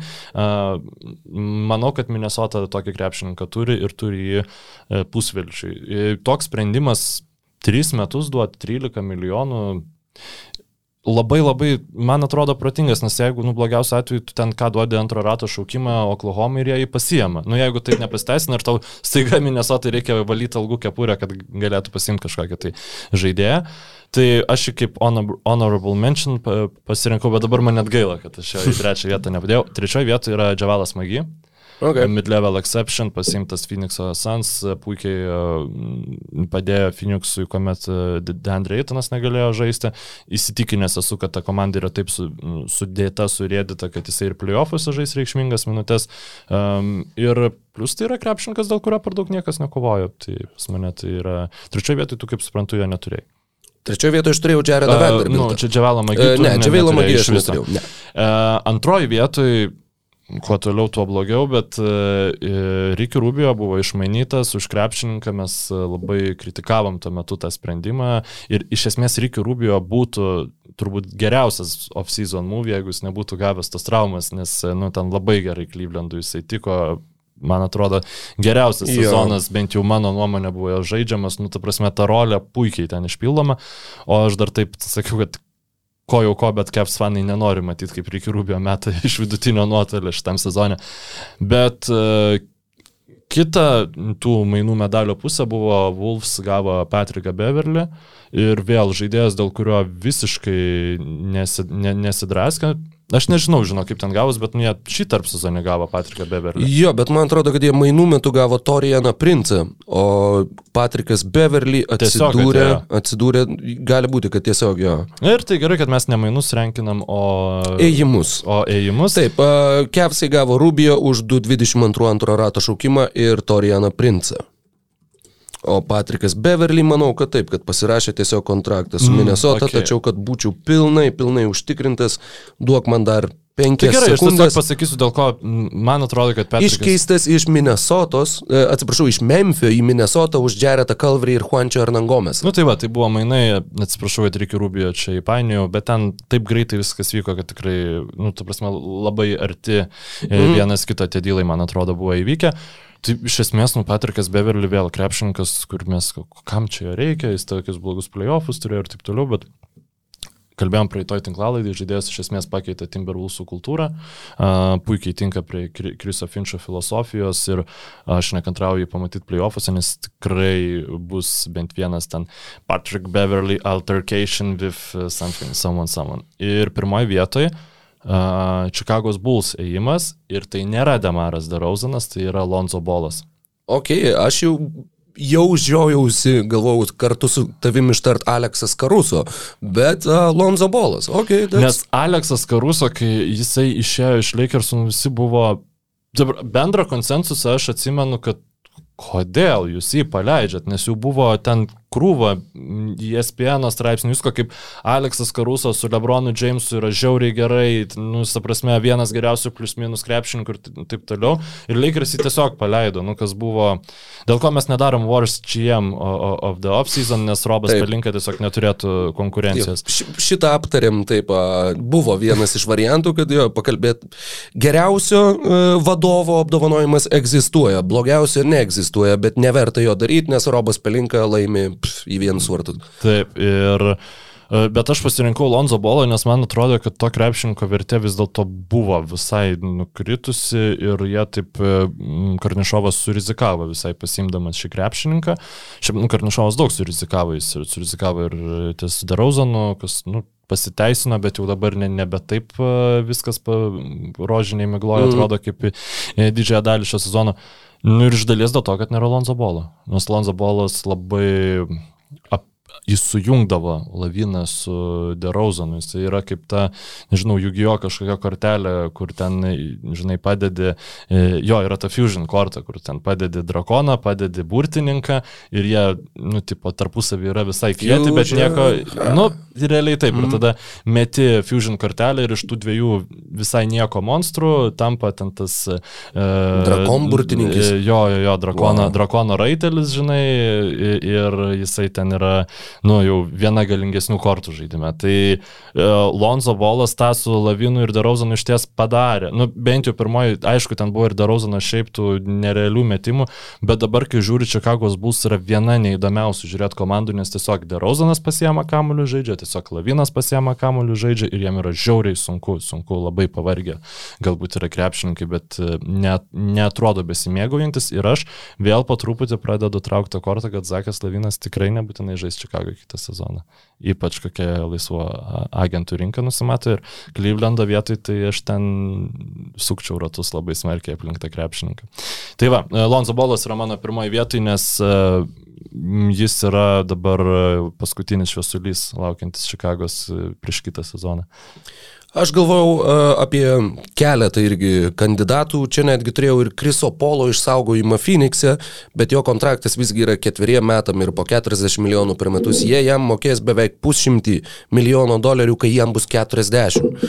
Tai čia dar toks, kur jį vertinti kaip, kaip tikrai uh, puikų ėjimą būtų gerokai per anksti, nors šio sezono kontekste tai yra gyvybiškai svarbus ėjimas Phoenix'ui. Uh, antrojo vietoje aš pasižymėjau uh, kontrakto pratesimą, kuris kuris mums iš pradžių e, sukėlė nuostabą dėl savo finansinių apimčių. E, Jaretas Alanas, Clevelando Cavaliers penkerių metų kontraktas yra labai geras sprendimas, kaip jau spėjom įsitikinti. Pirmoje vietoje aš visgi pasižymėjau Kailą Laurį, kurį tu e, minėjai, jog nubraukiai, tačiau Miami pasipildymas Kailų Laurį nu, jiems labai reikėjo tokio žaidėjo, tokio, kuris atliktų faktiškai ir Gorono Dragičiaus vaidmenį lyginant su jų uh, žygiu iki finalo burbulę, bet tuo pačiu Kailas Lauriai turi dar stipriųjų pusių, uh, kurios, na, tai du kiek skirtingi krepšininkai, tačiau Lauriai, mano akimis, labai labai tinka Miami ir, uh, kaip ir minėjau, manau, kad jie turi daug galimybių uh, būti viena bent jau geriausių, bent jau konferencijos finalo komanda rytų konferencijai. Uh, Bet realiai turbūt visos tos keturios komandos uh, turi šansų būti. Daug, kad nieko, nenusteptumėm, jei ne viena komanda būtų rytų finale. Jo, jo bent jau kol kas yra. Aš, nesakyčiau, nu, aš vis dėlto ir sakyčiau, kad jeigu Bruklinas būtų rytų konferencijos finale, manęs tai nenustebintų. Mhm. Ir realiai tai reiškia, kad e, iš esmės trim komandom, bet kas, bet ne rytų konferencijos finalas būtų nusivylimas nu, šitam jo, sezonė, kaip jo. jie įvažiuoja tos playoffus. Blogiausias tarp sezonio įjimas, kažkaip buvo sunku netgi rasti kažkokių, na, kuo užpildyti šitą sąrašą, bet manajame sąraše. Mhm. Trečioje vietoje Devonta Grehamas, daugiau tikėjausi šito pelikansimo, galbūt ir tai, kad Zajonas nežaidžia, atsiliepia tam, kadangi buvo viskas kaip ir rinkta aplinkų jį ir Tikrai, jo taip. tiesiog nėra. Antroje vietoje taip pat daug tikėjausi, na, galbūt ne, ne kaip čia pasakyti, ne, ne čempioniški buvo tie lūkesčiai, bet buvo toks labai gražios istorijos, labai įdomus kitas žingsnis, Kemba Walkeris grįžta namo į New Yorką ir kaip subliuško šitas ėjimas irgi yra pakankamai liūdna ir pirmoji vietoje be jokios abejonės yra Russellas Westbrookas į Los Angeles Lakers. Taip, Aš pirmą vietą tą pati, antrą vietą Alekso Karuso paleidimas tiesiog, nes Ai, tikrai tiesiog, mm -hmm. tiesiog nu, kaip žingsnis, kurio komanda ne, nepadarė. Ne, nematau jo. pagrindo dviejotą informaciją, kad nebuvo galimybės, e, nu, kad Karuso ten nenorėjo likti ar panašiai. Nu, tiesiog labai daug kur buvo skelbta, tiesiog, kad jam nepasiūlė adekvataus kontrakto. Ja. Ir trečioje vietoje, žinok, aš pasirašiau e, Jimmy Butlerio kontraktą kurį pratęsė keturiem metam, 184 milijonai ir jau šį sezoną Jimmy Butleris nu, e, stabdo kaip reikalas palime. Ir, nu, blemba, hmm. jisai gaus žiauriai daug pinigų, kiek 50 milijonų gaus paskutinį savo sezoną ir 40. Nu, tai yra, tai yra... Daugiau negu 40, tai manau, kad jo, netoli 50. Jimmy Butleris daugiausia tritaškų įmetė šį sezoną praėjusios rungtynės, tai buvo 3. Bet jis ir ne, ne, nėra žmogus, jis niekada nebuvo žmogus, kuris mesdavo ir įmesdavo daug tritaškių. Taip, niekada nebuvo tiesa, bet, nu, man čia tiesiog kaip faktą pasakiau, nu, kad jau taip dabar jau užtikrintai, jokių, nieko gyvų nemeta į krepšys, tai iš trijų taškų zonos ir tai mes tikrai žinom visi jo nu, stipresias pusės, um, bet panašu, kad tai nebėra geriausias, gal net krepšininkas puolime Miami, šį sezoną reguliariam, bet jau atrodo, kad tai yra Tyleris Hero, nu ten jau viskas taip yra dideliai pasiūta, kad būtent jis žibėtų tas skorinimas būtent. Aišku, pamatysim playoffus. Jeigu jis vėl playoffuose bosins visus, tai aš atrodysiu kaip uh, kvailys šitoje vietoje, bet man, nu, tiesiog uh, remiantis dabartinę situaciją, atrodo, kad 4 metai 184 milijonai, 32 metų krepšininkas. Uh, Man tai atrodo dosnu labai ir, ir rizikinga. Žinoma, tai yra penkiais e, laiptais žemiau negu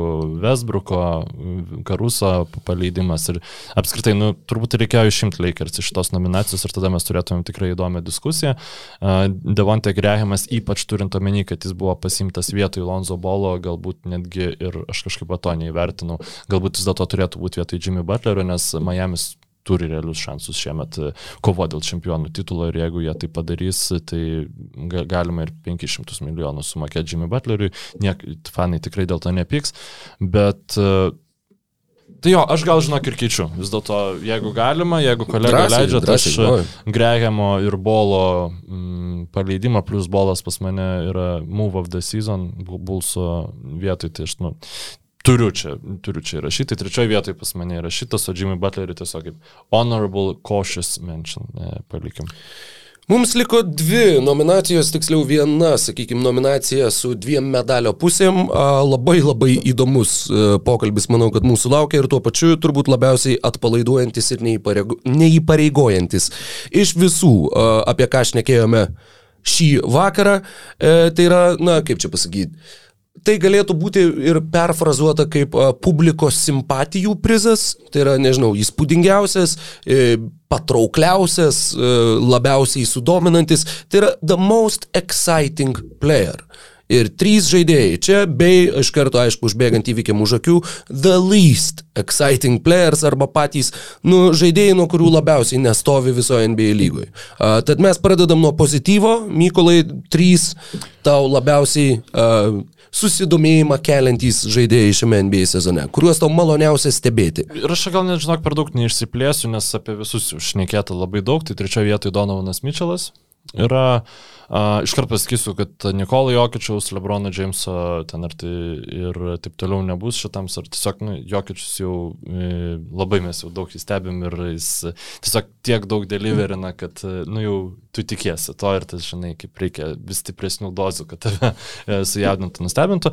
Kas vis dar sėkmingai sujaudina dar yra Žemorantas ir pirmoji vietoje, nu tiesiog yra Scotty Barnesas, nes aš visiškai nesitikėjau, kad man bus įdomu įstebėti, kadangi esu Raptors fanas ir man, nu, kaip ir privalu žiūrėtas jų rungtynes, tai aš labai džiaugiuosi, kad, nu, kad ir kaip ten be perspektyvų ta komanda atrodytų, visada yra Scotty Barnesas, kurio tiesiog evoliucija kiekvienose rungtynėse yra įdomu stebėti. Norėčiau, kad būtų biškai įdomiau stebėti gynybai, nuvilę šitais klausimais, bet polime tai yra labai ortodoksiškų krepšinio elementų turintis krepšininkas ir tas man labai, labai patinka. Ok, senamadiškų? Taip, taip, okay, ten jo, okay, jis, okay. jis po krepšiu. Man tai yra, žinok, mes pradžioje šnekėjom sezoną, kad aš, aš sakiau, kad man jis Dreymondą Greeną primena, bet supratau, kad tai buvo, nu, tiesiog fiziologinis, galbūt net labiau palyginimas. Iš tikrųjų, tiek pagal statistiką, tiek pagal žaidimo stilių, vis kuo toliau, tuo labiau man biški Čarlzą Barklį primena. Ok, o, gerai. Perina aikštę su kamoliu, tada išsirenka savo mismečą, arba net nebūtinai, ir tada kokį keistą kabliuką, kažką, žinai, iš pakrepšymės. Jokių būdų dabar nesakau, kad tai yra Charles Barkley lygio krepšininkas. Ne, nu tokių iš vis turbūt e, vienetai, žinai, yra, bet Čarlzas Barkley tiesiog buvo nu, nesulyginamas ir Scotty Barnesas irgi taip, taip nuo šiam paralelių tiesioginių nerandu. Ir man tikrai um, kažkaip dar neseniai video būtent Barkley jaunesnių metų pasižiūrėjau, tai tokių panašumų yra, žodžiu, nu, žiūrėsim, kaip bus toliau. Mano pirmi du krepšininkai arba pirmos dvi vietos yra du jauni žaidėjai, kuriuos e, mano nustebėt dar ir iš tos pusės, kad tu galvoji, wow, nu kiek, kiek dar iš jo užauks uh, NBA lygoje, e, bet trečioje vietoje yra visiškai priešingas, uh, sakykime, nominantas. nu sakyk, ką nori, bet vis tiek, kad ir kaip ir tragiškai atrodytų Los Angeles Lakers, nu bet Lebrona Jamesas stebėti tokio amžiaus, išdarinėjant į tokius dalykus, ką jisai daro, man tai vis tiek yra, nu, aš vis tiek įsijungiu pažiūrėti, nes mane tai sudomina ir man tai tikrai yra toks, kur, o oh, wow, a, tai truputėlį jau primena Karimo Abdul Jabaro karjeros pabaigą, netgi iš to, kaip jis atrodo vizualiai vyresnis už visus likusius varžovus, nes Lakeriuose, kaip žinia, tas pensionatas veikia puikiai. E, bet jo, Lebronas Jamesas yra žaidėjas numeris 3, žaidėjas numeris 2, kurio visiškai nesitikėjau čia pamatyti uh, sezono išvakarėse, yra Tyrysas Maxi ir žaidėjas numeris 1 yra Džamorantas. Uh, manau, kad čia irgi pra, platesnių komentarų netgi ir nereikia. Džamoranto, na, tiesiog gaila nežiūrėti, kai žaidžia Memphis Grizzly. Ir mano turbūt labiausiai mane dominusi nominacija šitame visame epizode yra neįdomiausias žaidėjas lygoje. Ar galiu, aš, aš tiesiog manau, kad tu didesnį research padarai ir aš norėčiau greit perbėgti per savo nominacijas ir tada palikti jau okay, su taviškiam okay. užbaigti. Ar, nori, ar norėtum išlaikyti? Galim, jo, jokios skirtumo, jeigu tu nori, važiuoju. Man visiškai visada buvo neįdomu jau pastaruosius du sezonus žiūrėti, kaip žaidžia Kristaps Porzingis. Nu, tiesiog, nu, tipo, aš jau čia kartau ir kartosiu, kad, nu, kai tu pamatai ten jį paustapinantį, tiksliau ne paustapinantį, o face-up face-upinant ir tas žemas kamulio išmetimas ir taip toliau. Nu, krepšininkas su tokiu ūgiu nesusikūrė pranašumą prieš kur kas žemesnius krepšininkus ir taip toliau. Ir, e, na, Kristapas Porzingis yra, e, Kristapsas tiksliau, kaip honorable mentions e, pas mane. Zekas Davinas yra trečioje vietoje. Uh, ne, okay. jei, tiksliau, half court Zekas Lavinas, fast break Zekas Lavinas, viskas, viskas tarko, bet tiesiog kažkaip taip išpuolė, vėl emocinis pasirinkimas pas, pas pastarosios kelios Bulls rungtynės, nu man tiesiog buvo labai neįdomu jį žiūrėti, būtent e, kai jau Bulls žaidžia, e, Bulls žaidžia half courtą, man atrodo, kad nu, visiškai kažkaip nebe taip jis išnaudojamas kaip seniau. Ir tada pirmos dvi vietos tai jau yra žymiai rimtesnės, čia, sakykime, nu, ypač Zekas Lavinas, tai, mm, sakau, stipriai emocinis pasirinkimas, bet Tobiasas Harrisas iš Philadelphia 76ers tai mažiausiai excitemento už dolerį deliverinantis, deliverinantis krepšininkas, nes iš esmės aš bandžiau užsirašyti, man, man atrodo, išsirašiau nu 15 Sixers rungtynių, kurias aš mačiau tikrai šį sezoną. Matęs turbūt esu daugiau, bet tas, kuris, nu, atsimenu, kaip e, prieš ką žaidė, kaip baigėsi ir taip toliau. Ir nei vienose negalėčiau pasakyti, ką Tobiasas Harrisas darė. Aš ne, ne, gal jis nežaidė visose tose rungtynėse, pasižiūrėjau, nu lyg ir normaliai žaidė mačių šį sezoną, tai Tobiasas Harrisas nu, yra krepšininkas, kurį visiškai neįdomu stebėti. Ir pirmoji vietoje yra Nikola Vučevičius. Okay, tai aš okay. apkeičiu laviną tik su, su Porzingiu vietoje, nes supratau, kad man būsai šiaip iš esmės yra dabar nu, labai defleitinanti viską komanda, tai Nikola Vučevičius nu, tikrai man tiesiog atrodo kaip labai neįdomus krepšininkas šiuo metu. Mano gerbtini paminėjimai šioje garbingoje nominacijoje yra Tomašas Satoranski. Labai geras. Yra Vilas Bartonas. E, Will not the thrill. Jo, dėl to, kad jo, kad visą laiką aš save pagaunu. Jeigu aš žiūriu, kaip žaidžia Vilas Bartonas ir kaip žaidžia Denverio Nuggets, aš visą laiką galvoju, va, jeigu vietoj Vilo Bartono būtų ne Vilas Bartonas, kaip būtų smagiau žiūrėti, kaip šita komanda žaidžia. Ir e, tuo pačiu tai yra žaidėjas, kuris niekam turbūt ir neužkliūva, bet Džeikas Leimanas yra, nu, jis nu, nebus iš jo NBA lygio krepšininko ir Timberwolvesai, jo, jį ten turi tokį, kaip Niksuose Kuz, Kuzminskas maždaug kaip buvo, maždaug tokia yra svarba komandai, bet tuo pačiu, nu, jeigu jisai išeina į aikštę, man būna toks pe. Uh, ir trys jau tikrai rimtai nominuoti čia žaidėjai yra.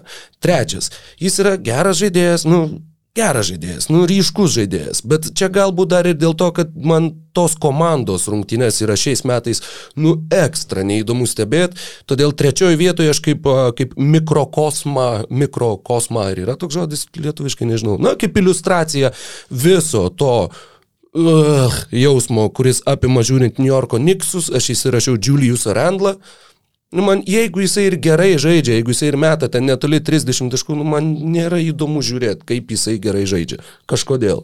O kiti du žaidėjai yra, nu, būtent neseksualiausi man, mano akimis, kur jeigu aš jį matau, ar aš jo nematyčiau, ar aš jį matau, turbūt būtų geriau netgi nematyti ir man būtų įdomiau. Tie, tie pamiršau. Minusiniai uh, excitement win shares, jeigu taip galima išreikšti. Antras žaidėjas yra Mo Harklesas. Nu, aš taip grabę mačiau, ar žaidžia Mo Harklesas ar nežaidžia. Tiesiog galėtų žaisti kažkas įdomaus, bet vad žaidžia Mo Harklesas. Ir manau, kad gal netgi dalis klausytojų net taip staigiai ir neatsimintų, kurioj komandai žaidžia apskritai Mo Harklesas. Ir tai taip pat yra iliustracija to, kad nu jį nėra įdomu stebėti ir niekada nebuvo per tuos, vad, kiek čia, septynetą metų ar panašiai, kiek jisai žaidžia NBA lygui. Bet pirmoji vietoje yra neseksualumo viršūnė. Yra neįdomiausias krepšininkas, kur, nu, kai jisai būna, nu, tiesiog, nu, e. Ir tas žaidėjas man yra Corey Josephas oi kaip skaudžiai, tu čia užbaigiai. E, aš turiu savo nulintą poziciją. Nulinta. Tai yra krepšininkas, kuris per amžių amžius man buvo blech įžiūrėti ir netgi ne, ne tiek neseksualu, kiek e, mm, repulsyvu. Ir tai yra Corey Josepho komandos Ne, palai, jis nebėra, jis nebėra Corey Josepho komandos draugas, jis buvo Galbūt net nebuvo, nesvarbu. Jis žaidė toj pačioj komandai kažkada, kurioje dabar žaidžia Corey Josephas, tai yra Masonas Plumley. Bet žinok, jis kartais įkrauna gerų, jisai turi gerą šuolį ir kartais jisai tokių padaro, kur, nu, tai yra žaidėjas, kuris tave priverčia padaryti, uuu. Ir Bet... Corey Josephas manęs gyvenime nėra privertęs padaryti. Jis yra pataikęs ant lemiamų metimų, atsimenu, Raptoriam prieš Wizardus kažkada laimėjo rungtynės su tritaškiu iš kampo. Bet nu, vis tiek, nu, tai yra Corey Josephas. Tai Žinai, Meisonas Plumley, jeigu tai būtų alkoholis, Tai būtų, aš, aš ne, negeriu pakankamai, kad aš galėčiau tau tiksliai įvardinti, bet tokio tipo alkoholis, kurį tu išgeri, tau yra tada huh, nu, kur, kur yra išgerus stipraus alkoholio ir tada nėra tos fun part, tu iš karto įnivemt. Tai va čia man yra Masonas Plumley ir jo visa karjera, aš tiesiog apie jį, žinau, buvau pamiršęs, tai ištrinam. Corey vis... Josephas yra blindos alus iš bambalio. Tai kur, nu, uh, uh. Bet gerų dalykų mano gyvenime Blindos salus iš e, Bambalio yra padaręs, kaip ir Corey Josephas. Būtent. Ir manau, kad čia linksma gaida ir galime užbaigti 99-ąjį NBO epizodą I've got 99 nominations, but MVP ain't one. Ačiū tau labai, Mykolai. Ačiū tau, Rokai. Ačiū tau labai, Aridonai. Ir ačiū visiems, kurie klausė ar žiūrėjo ir Iki kitų pasimatymų už savaitės jubiliejus 100. Viso visam. Likite laimingi. Jei, piu, piu.